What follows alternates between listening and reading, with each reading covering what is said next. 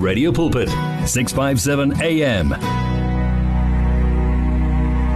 Isigaba ke sesibili lesi 19 after 3 o'clock asijule ezwini until 5 ngena ku AM 657 sithole na ku DSTV audio bouquet 882 noma ulalele ku radio pulpit app ungaphinde futhi usithole na ku Open View channel 607 so yabona ke umuntu esimvalela ngaphandle kuwo wonke nje ama platforms yatholakala eh ngoba singumkani wakho sithanda ukuthi sifinyelele kuwena nanoma ukuphi so wherever la ukhona uko northwest re teng eh uko free state re afihlela le mono ngale KZN nalapho ke si si si sinawe and sinkomkani wansuku zonke 20 after 3 o'clock njoba ngishilo ke ukuthi em isivakashi sethu sesilaba salwane ubongane eh Botswana sawubona mfowethu Sawona makunjani?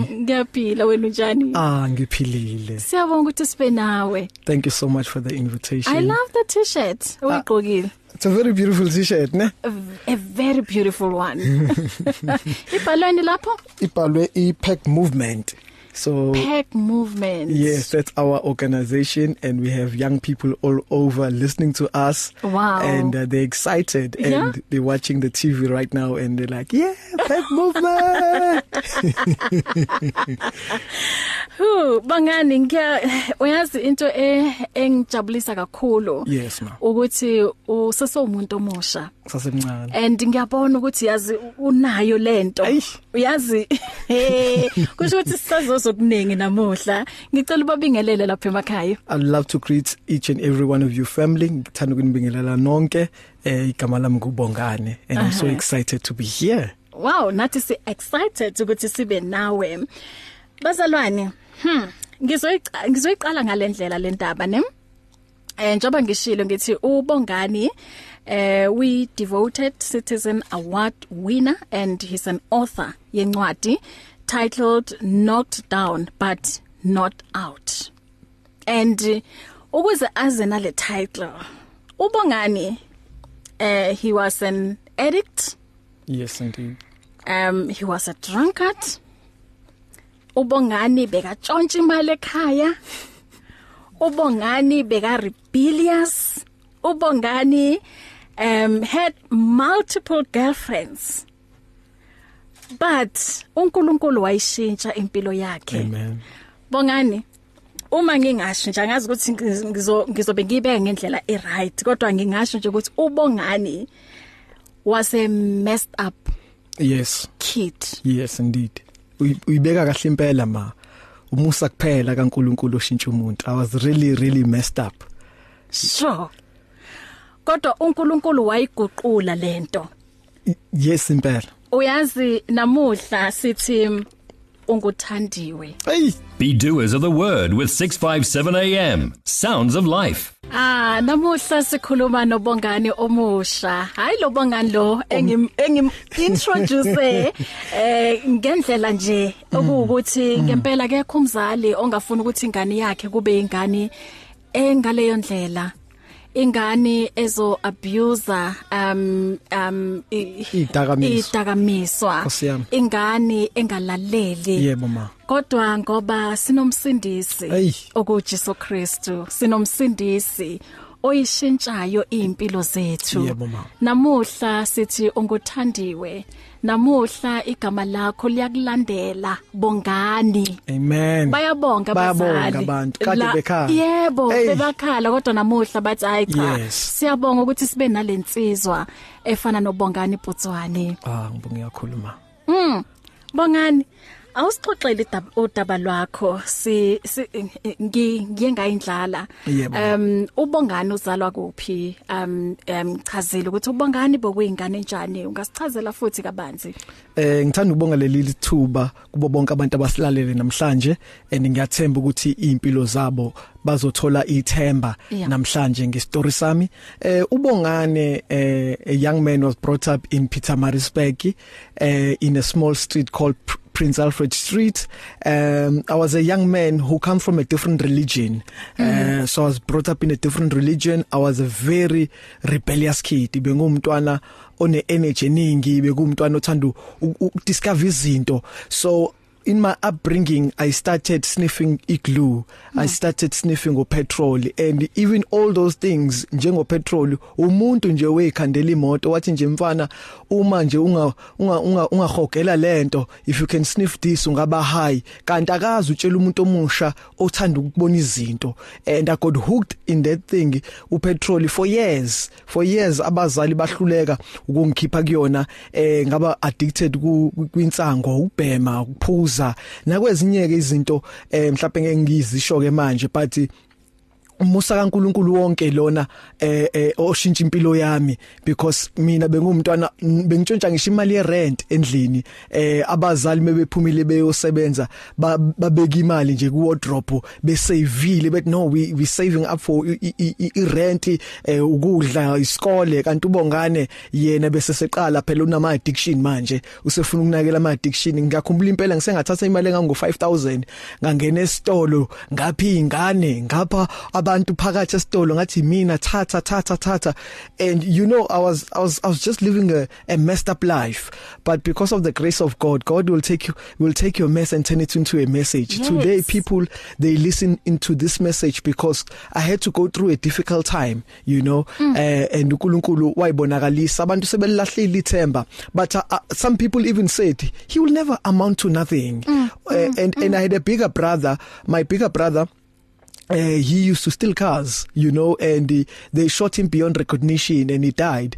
And people predicted that Bongane, you are the next person mm. to follow his footsteps, but they did not know ukuthi the, my my footsteps will be in the word of God, mm. you know. And today I stand in places and I preach, uh, coming from a different religion. Now I'm standing for Christ. I got wow. prosecuted, you know. Mm. So so eh, ngidlulile bunzimeni, ngiyakwazi ukulala eminyango, ngiyakwazi ukulala ngadlile. Mm. I know the pain of have been rejected mm. family members uh, writing you off mm. but today they are the ones who call you and say we need your prayer and wow. you ah. still serve them with with with, with the heart of Christ not mm. saying but you remember no no no no because mm. when you forgive you don't have book of records yeah. you have to let go yeah. you know and i say it's only by the grace of god mawami eh uh, unkulunkulu picked me up from wow. nowhere wow wow knocked down but not out hey nkosiyami Umzulu ufikile mlomo bekathini uthi it is not over until God uNkulunkulu asho njalo.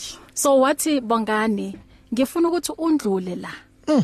njengomuntu omusha yes and kusasa uzokwazi ukuthi ume ukwazi ukukhuluma nabantu abasha ukuthi uyabona uma ungangena kulento yes eh kuzokwenzakalani ngempilo yakho and i'm happy ukuthi ngiyazi ukuthi uyahamba la ukhulume nabantu abasha yes. um ezikolweni and kunalaba nje ukuthi uyazi nje moya ingane mm, mm, umoya mm, mondlula mm, yes. undlula nawe yeah, so oh, esikhathini esiningi uma ukhuluma nalabantu abasha ama challenges abahlangana abahlangabezana nawo imapi and yini into eyenza ukuthi bagcine bangena eidakamisweni yabona mawami ngiyawuthanda lo mbuzo obuzile thank you so much for that question because I always tell parents ukuthi young people they find themselves in all these things because they don't know who they are lack mm. of identity yeah. you know so so drugs are not a problem because yeah. drugs never called you mm -hmm. uh, they don't have a cell phone number to say well come and smoke me no yeah. no no no the problem is the person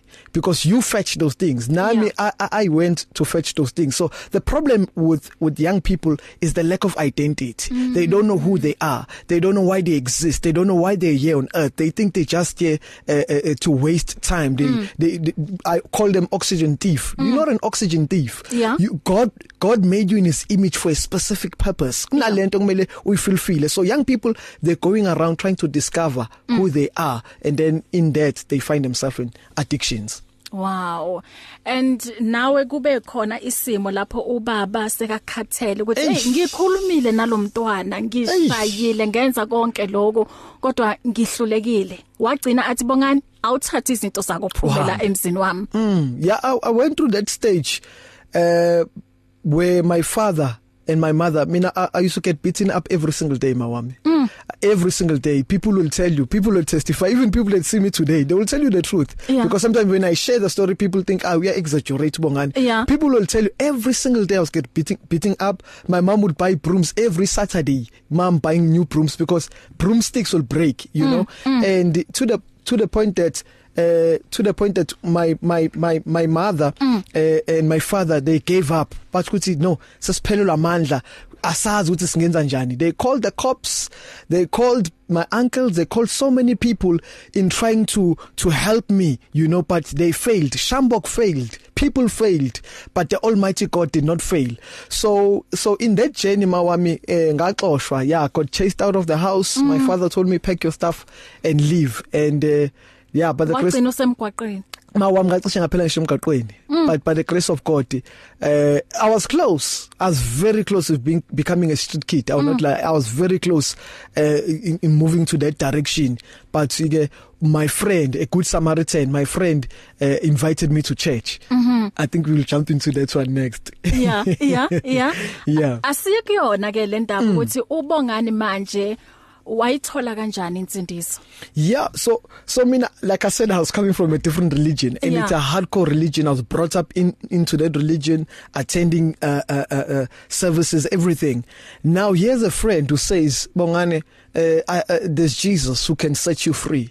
I mean, I've never been to church. Mm. I'm like, listen, I, I don't need church, Mina. Mm. Uh, and before that, ma wami uh, I got drunk I almost lost my life I fainted sure. and I was vomiting blood sure. and uh, I was naked my friends took pictures of me sure. Uh, uh, it was a Saturday my face was swollen my mom was crying my dad ambulance police were all over and mm. then hmm. they took me home Saturday Friday uh, uh, Sunday morning my friend says bongane come to church because you have tried everything but but your life is still a mess mm. so i mm. gave him so mm. many excuses i didn't have nice clothes i didn't have this I said no give him a chance yeah tonight today i want to say if you give jesus 5 minutes of your time you'll change your entire destiny wow So he said, "Bongi, just give him a chance." Yeah. I went to church Mawami. Yeah. Uh eh, Babalas, uh eh, Faith Solen and I sat at the back of the church. I could feel the presence of God. Mm. And the man of God said, "Whoever want to receive Christ today." Hey, yeah. I feel like preaching now. Yeah. Whoever want to receive Christ today, just lift up your hand. You don't need to come to the front. And I felt something in my spirit saying, "Lift up your hand." I lifted up my hand, Mawami. Mm. You laugh if I tell you this. I've never been to a rehab center. No one laid hands upon me. Yeah? But on that day, every drug addiction faded away. every so, drug addiction because my parents tried everything bahluleka yeah. but me I just saying lord come into my life when i left the service desire everything gone kwashintsha njengaphakathi uyazi kwaba ubongani omusha kwabo even my parents they were shocked with this transformation maybe they thought maybe sengifuna ukubabulala because now here's a young man yeah. saturday yeah we predicted ukuthi no his future is going to is going down the drain this yeah. will bury him anytime soon uh. sunday he goes to church comes back home yeah. telling us about christ bangani uyahlanya yini ekhanda are uh-huh. you are you crazy uh -huh. what's happening with uh -huh. you uh-huh. when jesus shows up he's going to show off sure what a powerful um testimony um bongani so Asikhulume nabantu abasha. Uyazi sometimes uma benza izinto bazothi ayi thina sidla ubusha bethu. Eh abasiyeke um sekungabo gogo yabona nje mm, sebabona ngathi mm. impilo yabo iphelile so manje sebazoba eh, isicefe la kuthina basiyeke nathi sienjoye impilo. Asikhulume nabantu abasha ubabonise lento ukuthi bazwisa abazali babo ubhlungu kangakanani. ngezinto abazenzayo yes it's it's very heartbreaking when amawami because you see when you get old like now even now Uh, uh, uh consequences things will follow you yeah. you know i always say this quote it's my favorite quote you are born looking like your mommy and daddy mm. but you will die looking like your decisions i will say wow. it again uzalwe ufana noma wakho nobaba wakho mm. but uzofa ufana nenqumo owayithatha lemhlabeni mm. so sometimes as young people we think we're going to be young forever forgetting yeah. that you're going to mm -hmm. get old and every single thing that you have done as young will catch up with you mm. be careful how you you're going to leave a legacy wow right now I no more live for people's opinion mm. but I live to say well how will I leave my legacy for the next generation mm. you know this the, the, the saying of saying angisasemusha ah, ngisafuna enjoy yeah. it's a worldly statement trying to kill the next generation Mm, yonke into nama consequences akhona. Everything has consequences. There's nothing that you do that will not follow you. Mm. Isikhathi ke sithi 1535 sinobongani Butswani um ungumbhali wencwadi ethi Knockdown but not out. So kuye kwafika ini la kuwena ukuthi angibhale imizwa yami phansi angibhale udaba lwami phansi encwadini. Uyazi ubongane mawe ngikutshele mina e, esikoleni ngangifeyila uh, mm. I couldn't read and write because I was a very naughty kid because I was addicted to stuff. Mm. So when I started a, a, a book in 2018, uh, even though I could not write, yeah. I had to find someone who can write a book for me. And oh, I found umtshele yena bhale phansi. Yes, I had a story. That's wow. why I, that's why when I when I approach young people, I don't take excuses yeah. because in this world, God has given us the ability, you know, to yeah. push through. I mm. can do all things through Christ who strengthens me. Amen. So if Amen. I cannot write, there must be a writer. Yeah. You you you, you get my say. Yeah. So like the blind Bartimaeus, he was blind but he could speak. Yeah. So you cannot make excuses. It's either you speak or you stay in your pit. Uh-huh. So with me wanting to, a book, I said no. leli book ngiyalifuna yeah and uh, i got someone someone said okay sibongana i'll sit down with you every day and write this book i said no problem mm. we wrote the book mm. and my second book that's going to be coming out soon I'm writing it myself. Now I can write. Wow. If I never allowed myself to go through the first process, yeah? people would never ever be able to touch my beautiful material. Mm. So ngisho kumuntu manje ukuthi don't give up on what God has planted inside of you. Wow. So abobani abangayifunda lencwadi? so this book is for everyone mawami it's mm -hmm. it's a book that's going to really show you the hand of God ukuthi really uh, there is God you know mm. it's a, it's a mm. motivational mm. book mm. it also guides you you know so this book is for everyone young and old mm. so yeah it's going to it's a very beautiful book awusitshele ke ngale award oyiwinile devoted citizen wow award that award shifted my life Wow. Entering to to to to 2021, 20, uh-huh. uh, uh I was in so much stress, uh, anxiety, you know, because in my heart the Lord placed a gap year program. Mm, mm uh, mm, the Lord mm. has placed so many things and I had so many things on my shoulder.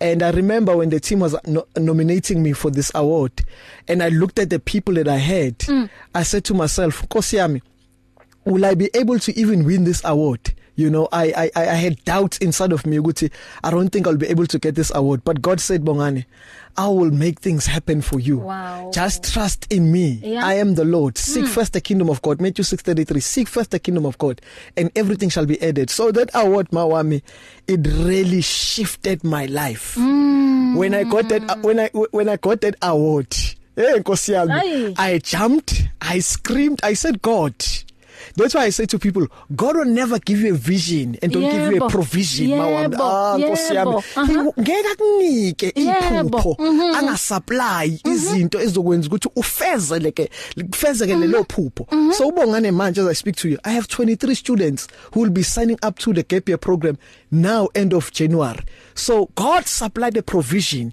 He said, wow. "Bongane, in your heart you want this. This award will be what? a stepping stone for you to mm. start mm. for 2021 mm. osiyami oh, hey ay awusitshele ke ngale movement eh, ipack so ipack movement I have a burning desire for the young people yeah. and I saw that young people don't have leaders they don't have mentors they have brilliant ideas mm. but they don't have someone to mentor them so as Bongane Putswane and uh, with my church Thando Church in partnership with my church uh we are able to they are able to support me ukuthi ngiqale i gap year program where these young people are going to come in for a year from January till November they'll graduate in November we're going to equip them in leadership skills we'll equip them in values everything that deals with the uh, uh isn't just umhlaba how to to to be able to be strong to be devoted citizens yeah. so that's our theme in fact to be devoted citizens of South Africa yeah. you know so we're going to be equipping them taking them to school camps churches uh, uh communities we're going to be doing a lot of things that's going to be helping the community so it's all about empowering the next mm -hmm. generation mm -hmm. Mm -hmm. wow um 0123341322 nangu ke ubongani Putsani um sizwile ubufakazi bakhe obunamandla unombuzo for yena no noma kukhona nje uthanda xoxa naye eh zivuliwe incingo 0123338699 ungathumela iTelegram noma iWhatsApp ku um, le number 0826572729 eh, noma SMS ku 37871 ngicela ubuke isikhathi mzalwane 20 before 3, eh, before 4 o'clock and uyazi ukuthi ke eh, ngabo 5 to eh 4 ngizobe ngimdedela so ilona ithuba eliright leli ukuthi ungakhuluma naye eh noma unombuzo ungambuza lana eh, ubhale incwadi ebizwa knocked down but not out powerful powerful um ngicela ukundlula ngalomyalezo eh um Oh wow Sister Bahle good afternoon and ngwaga omosha to you and the Radio Pulpit family uthi be blessed as we start the new year it's not over until God declares great music ke lebogile o ko Botswana ko Palapie Re leboga eh ke lebogile ukuthi ube nathi re leboga gore ube eh our companion siyafika eBotswana bazalwane siyafika eZimbabwe siyafika eMozambique siyafika eSwatini okay thingithathe la ucingo um sawubona semoyeni Ngosazana Galimambo Asilalele ah, ukufakazi lobo ke lobo bufakazi hlangana barobumboni Yebo baba eh ufaka uyafakaza umntwana kaNkuluNkulu ke ngoba semanje kungumntana kaNkuluNkulu yebo mhm kuNkuluNkulu ingane manje ke siyabonga kakhulu mm. kodwa ke la plus lenkinga yeyuthi la ngokuba mm. iyuthi ayikhoni ukuba ngcwele mhm lokho lokho kufike kuhlekisa uNkulunkulu ukuthi asebenzise iyuthi kufuna nathi siyibhekeni le ndaba le yokubangcwele Kanimambo kozela. Kalimambo yazi namuhla nje uyayigcizelela le ndaba eh yokuthi sibe ngcwele yebo. Em kumele nje kuthiwa ligotshwa lisesemanzi angithi. So ubungcwele yebo. Kalimambo siyabonga eh, nge contribution yakho. God bless you. Em itsike sithole la i voice note eh sizokuthi ke uthini la umlaleli. It's difficult to face the overwhelming pressures of life alone. Sometimes we just need someone to talk to, someone to listen to us. And what better way to do that than through a quick and easy WhatsApp text? Whether you're having a hard time coping with school, family issues, being bullied, depression, or anxiety, speak to someone who cares today. Send a WhatsApp message to 064 530 6805 or 074 995 9085. Our I Am Youth Counseling team, Shao Dudoy and Danny Vambili, are ready to connect with you today. You and 657 AM and life, a winning team on the road to eternity. Yo, what a passionate young man in there. What a testimony. Bongani, man, you just inspired me. I'm still listening to your story, but I'm already encouraged and inspired. Man, you are, you are, wow, I don't even know what to say. You're a perfect example of the miracles of God. And um, I pray that you, you keep pushing, that you keep doing the best you can. This is Nell. Thank you so much. Ah thank you so much um Abudnewo. Eh Bongani uthanda ukuphawula kulokhu kule voice note. Yes, I'd like to say thank you so much to my brother Neo. Uh yeah man, I'm blessed to know a champion like you, a winner like you. Thank you so much my brother. Wow. Hi sister Bahle and Butbongani. Uthi glory to our loving God. He's so powerful. Uthi very touching testimony. Sikhonza uThixo weimanga. Siyabonga Butbongani um for sharing and kunenye futhi la i WhatsApp from uAphelele Maku uba lo uthi to Bongani we are grateful for your anointing may God keep on doing amazing things through you on this earth never give up know ukuthi there are people you are inspiring and I'm one of them and there are plenty others asiyeke kule voice note sizokuthi ke eh uthini la umama Oh Okay, yangibhayizisa namuhla. Hey bongani. Hey. Uze ngayipi anointing? Asize la. Oh. I don't know what's happening. Okay, sizobuyela kuyona. Hi bahle and Bongani, I'm really inspired and challenged because um in my life I need a challenge and to rise up. Ngicela ukubuyela futhi kule voice note sibone ukuthi siyakwazi ukuthi sizwe la. 082 Hey, kwenze njani ngale voice note? Okay. Ithi ke siye kule em siza ukuthi uthini baba. Yes, I'd like to say thank you so much. Sangibonani sisibandle ngiyanibulisa egameni elihle lenkosi Jesu. Siyabonga ngalomthwana ubongani. I'm a 72 year old gogo. Malamula. siyabonga ukuthi uNkulunkulu umsebenzisile kangaka ukuthi akhona ukuphenduka ezwe izwi lakhe bonga eh bahle bengicela ukuthi asisize lo mntwana ngoba mina ngisebenzile as a professional nurse ngisebenza endaweni lapha a place of safety lapha abantwana ba abalahliwe abathenini but a lot of stories to tell ukuthi ngibonile uNkulunkulu asebenza kanjani kulabantwana kodwa i i wanted to write a book forever but now I've been struggling ngifuna ukwazi ukuthi usebenze kanjani ukuthi aze apublish incwadi yakhe maybe ngathola usizo lapho in Jesus name ngiyabonga amen Okay. Okay, simzwile umama. Ngicela kundlulisa lo myalezo bazalwane. Eh umama lapha bekakhuluma ngithi bongani kodwa uyeza uvoice yami le emuva.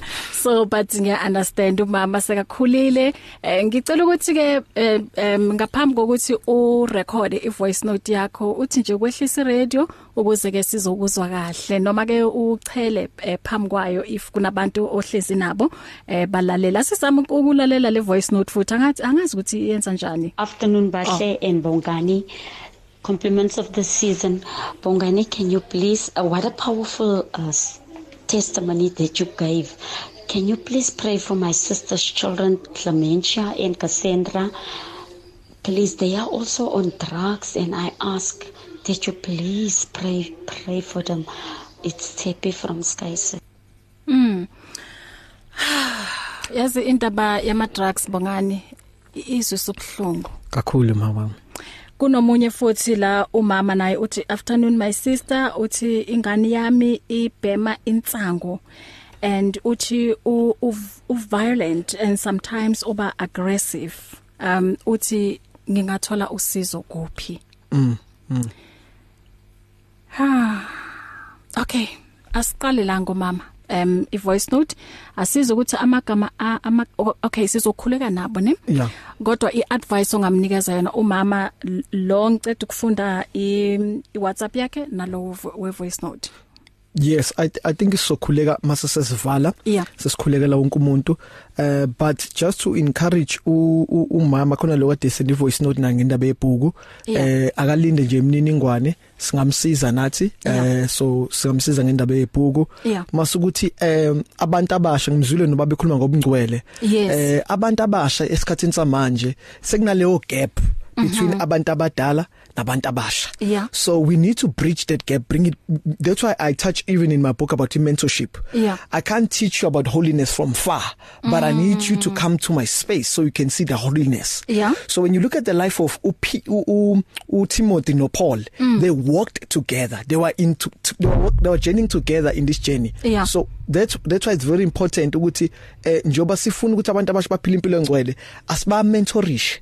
asibafundise yeah. sibanike guidance sibafundise eh, so that bazokwazi kuyibamba lento njenga nami ubongani uzothi umunye uphila kanjani impilo engcwele ubongani i have mentors mm -hmm. so abantu abasha don't have people to be vulnerable to because every single adult they are fakes yeah. they're not telling the truth yeah. you know so young people need people who be real with them and then they'll be able to grow mm. so so i think yeah ilo ngingasho kona manje Wow. Okay, ngicela ukuthi sithathe ikhefu la. Uma ke usathanda ukukhuluma noBongani sinayo imizuzu embalwa la. Um ungashayela ku 012338699 012338699. Ngiyabuya ke emveni kwaloko noma uthumele voice note ku 0826572729 noma ungasebenzisa Telegram kuyona leyo number 082657 2729 SMS number 37871 Become active active in faith 657 am You can now buy your favorite programs and series of the past 38 years, as well as books, CDs, and more on eCompanion, Radio Pulpit's own online shop. Visit radiopulpit.co.za and click on shop. At Radio Pulpit, we love the interaction we have with our listeners on all the social media platforms. It is also our way of giving everyone a voice that can be heard all over the world. Unfortunately, we have been experiencing huge difficulties with WhatsApp for a while now, and we are now forced to find a viable alternative. That alternative is called Telegram. Telegram is an app that works exactly the same as WhatsApp, and it uses the same telephone number as well. All you need to do to be able to chat with your favorite presenter is to download the Telegram app onto your phone and send your message or voice note the same way you always did. We will then be able to receive and answer your message faster, and the privacy on this app is much better too. So, whether you have an iPhone or an Android, the app pic is a white paper plane in a blue circle. Please download the Telegram app right away and make life easier for everyone. Share the love. Share the truth. Share the life on 657 AM. On 657 AM. Selapha impela ku AM 657 singu Radio Pulpit your daily companion nginobongani Putswani obhale incwadi um knocked down but not out um but bongani Yebo ma so from here mm. siyapi ikakhulukazi nabantu abasha for for me personally like I, I'll be honest I'm really excited for what God is about to do in this generation mm -hmm. uh like I said my my, my biggest cry mawami uh, even when I speak to obaba badala abantu abasha badinga mentorship yeah young people need to be mentored so mm -hmm. hence that's why we having uh, this program uh, gap e year program for this youth we actually want this program to be in nine provinces yeah okay ithi ngicela ukuthatha icall lana okay um so, uh, all right usehambile um asithembe ukuthi uzobuya futhi Okay so nine program la ni hlala khona phansi nikhuluma nabantu abasha. Mhm. Yes so with this program that's why I'm saying it's going to be really exciting. We're going to equip our leaders. Mm -hmm.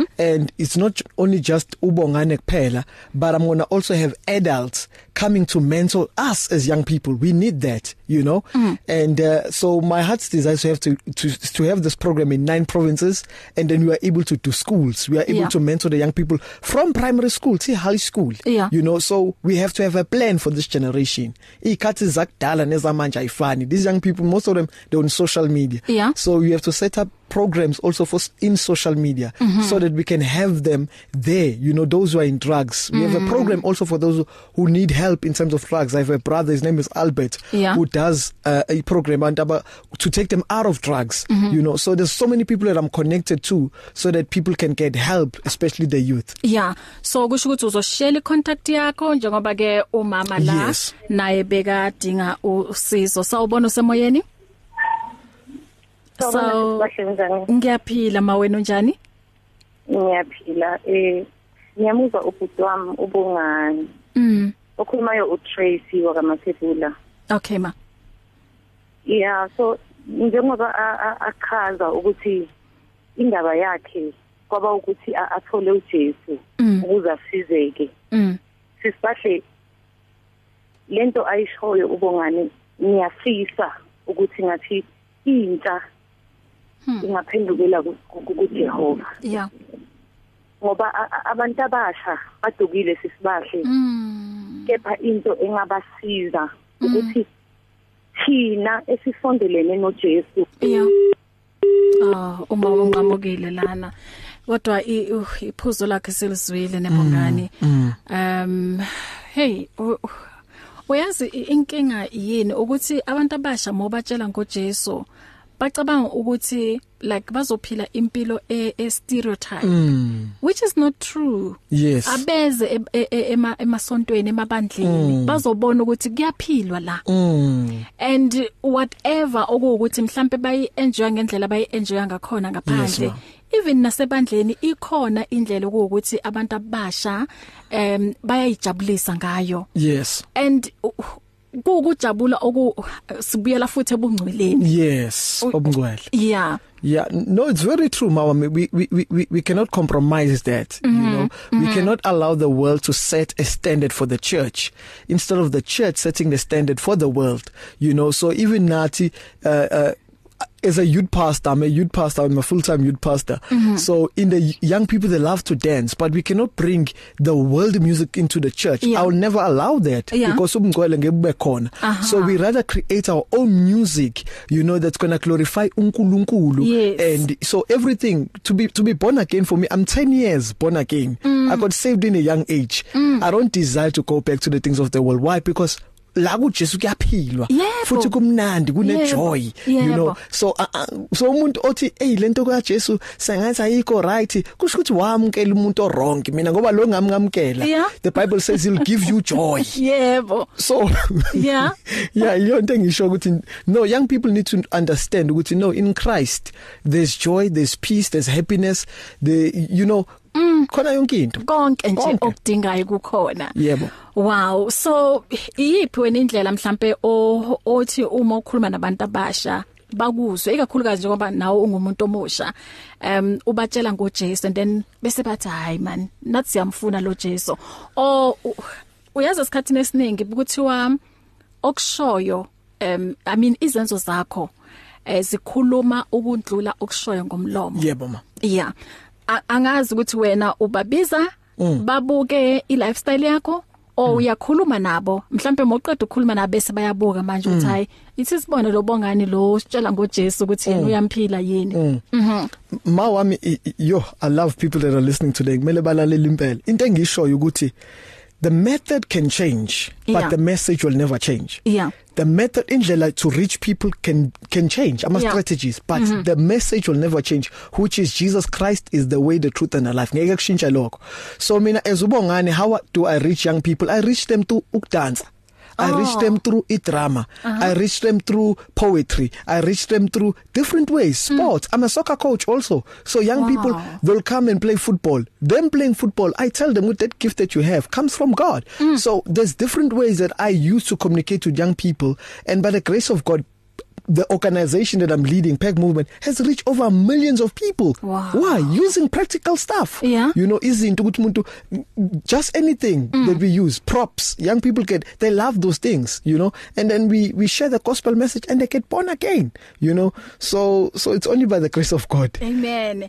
And uh, uyazi into engiyithanda ngabantu abasha ukuthi uma sebangenile kulento akukho lula ukuthi ungamkhipha bangena ngeenyawo zombili yes. ababi lukewarm yes, yes bayayithatha lensindiso and then bayiphile okay sithathe la ucingo sawubona semoyeni eh, ke tengle ka ntate eh ke bra ra o le boge mo mo kurumane mo Northern Cape re a go amogela um tate eh Eh, taba e ne ke batla go e- go e, e-, e fetisela ke gore um ntho e teng ke gore go re ka rapedisa batho ba bašwa eh, like mm, mm. modimo a ka tshwara a ka tshwara pele tsa bone because mm. ke bua ke le motho o mošwa le nna ke tswa mo ke ne ke le editete mo mo bojaleng so ntho e teng la gore ka rapedisa batho ba bašwa because le nna ke tswa mo mo mothong mo thomo o jackson teng so gore mogau wa modimo o tshware batho ba bašwa go sa le batho ba bašwa re nagana gore um di-drugs or majalwa ke bophelo ke bo tse e leng gore di tla re tshwara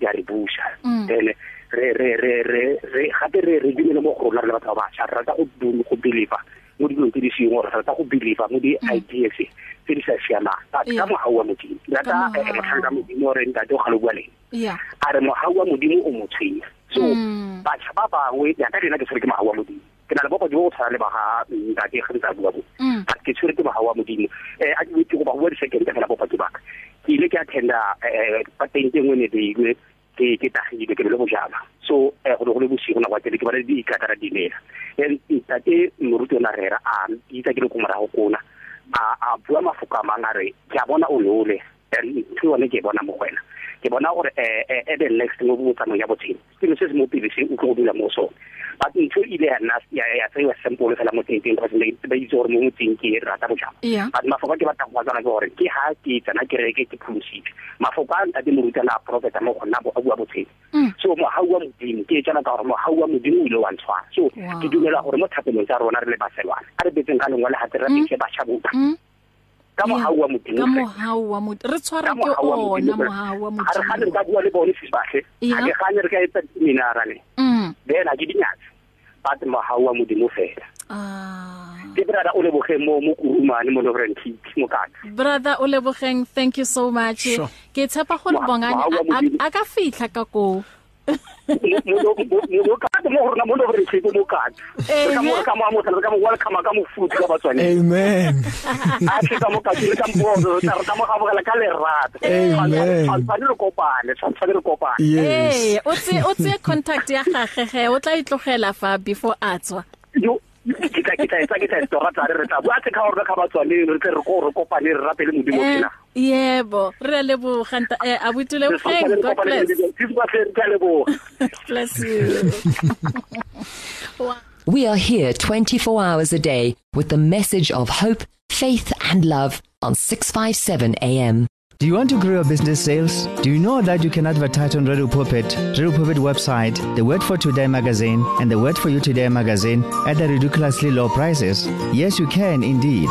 Radio Puppet, your daily companion, offers you the platform to grow your businesses at the best affordable prices. Simply contact me, Godfrey Moabi, on godfrey at radiopuppet.co.za or call me on 012 334 1265 and I'll tell you how. Remember Remember, I've made it my business to grow your business.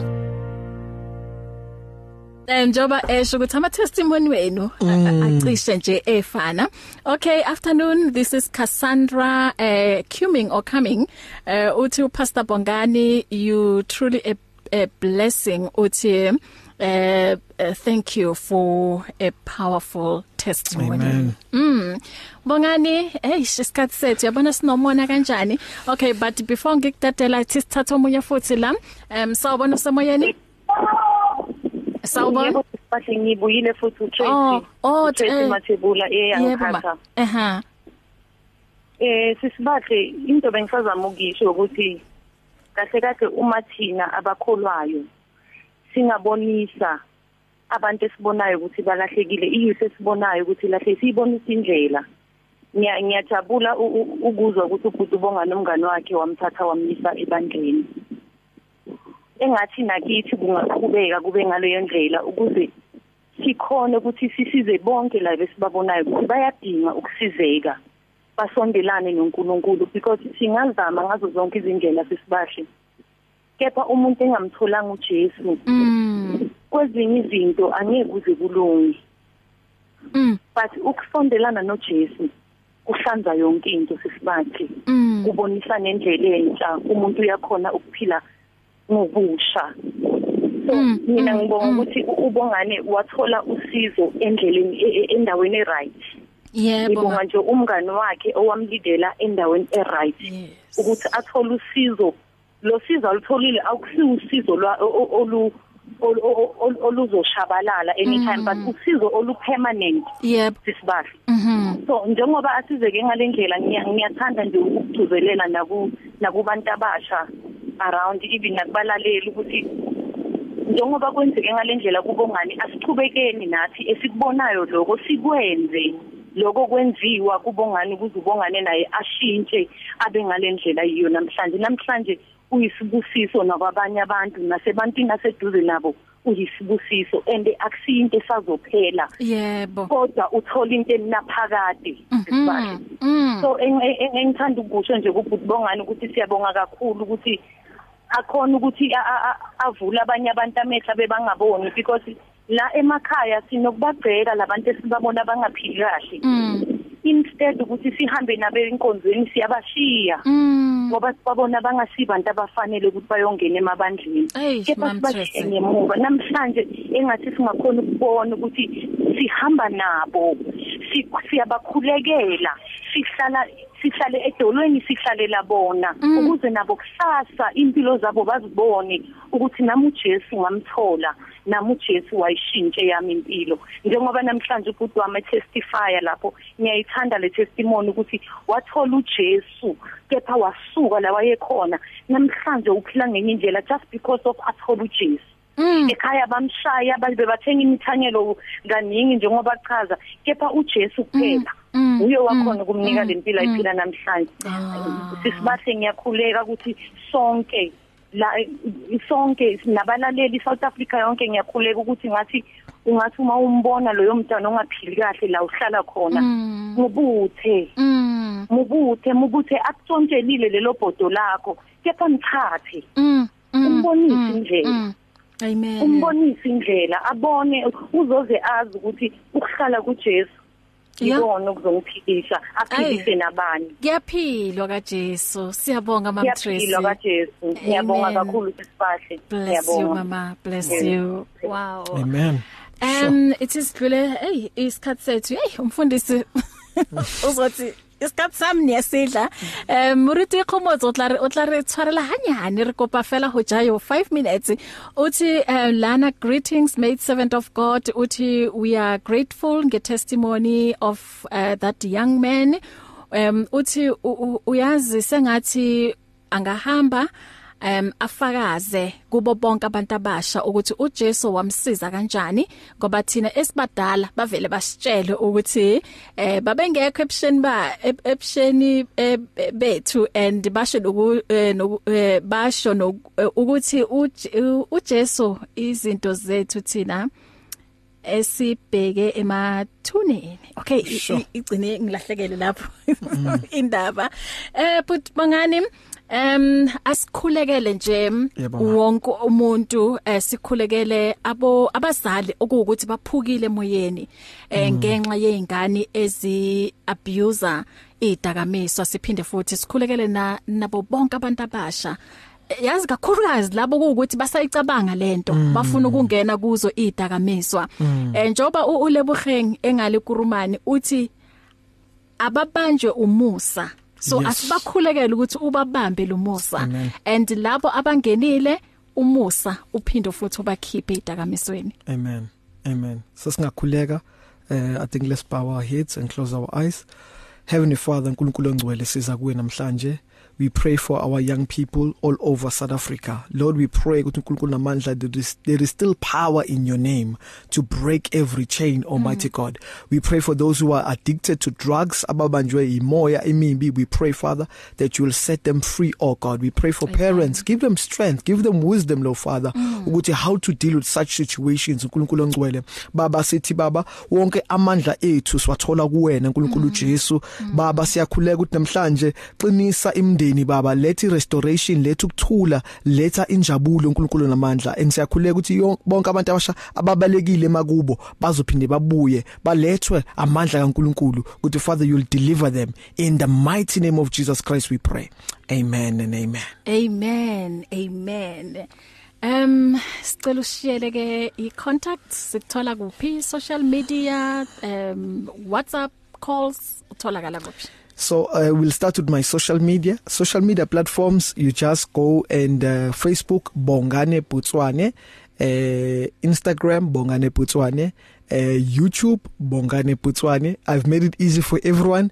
Twitter Bongane Putswane. Okay, as as as let, let us spell Putswane. It's P U P U T S O A N E. P U T S O -A -N -E. A N E. Okay. Botswana. Um, WhatsApp calls? WhatsApp call uh, I have two numbers so I'll give them the number that I'm very active on is 062 33 15791 I'll say it again mm -hmm. 062 33 15791 15791 91 062 33 Yes. 15791. Amen. WhatsApp nama calls. WhatsApp nama calls. Okay, Mamtoli, eh ngiyathemba ukuthi uyitholile leyo number. Bekathi ngiyacela inamba kaBongani em lana ke ku Facebook. Mamtoli 0623311571. Eh nabo bonke abazali yonke intsha em edinga ukuthi mhlampeni ingene kule program kaBut Bongani and eh, uma bengathanda ukuyithola nencwadi yakho same number 0623311571. Yebo. Same number. They yeah. can they, they can just send me a WhatsApp and then I'll be able to speak to them. Amen. God bless you. Qhubeke nje uhambise leli vangeli. Uyabona ukuthi active kangakanani? Hey. Hayi, hamba nalo. Ngibonge kakhulu mama. Ngiyabonga neinvite nothando. Thank you so much. Amen. It's difficult to face the overwhelming pressures of life alone. Sometimes we just need someone to talk to, someone to listen to us. And what better way to do that than through a quick and easy WhatsApp text? Whether you're having a hard time coping with school, family issues, being bullied, depression, or anxiety, speak to someone who cares today. Send a WhatsApp message to 064 530 6805 or 074 995 9085 Our I Am Youth Counseling team, Charles Dudoy and Danny Vambili, are ready to connect with you today. It's here. Radio Pulpit's new website is live. You can tune in at radiopulpit.co.za and enjoy crystal clear sound with just a click of a button or listen to our podcasts. Discover biblical truths in our daily devotionals and let our stories of hope inspire you. You can download our app on this new look easy to use platform. Find your favorite program, get to know our presenters and so much more at Radio Pulpit pulpit.co.za. Radio Pulpit, your daily companion. You and 657 AM and life, a winning team on the road to eternity.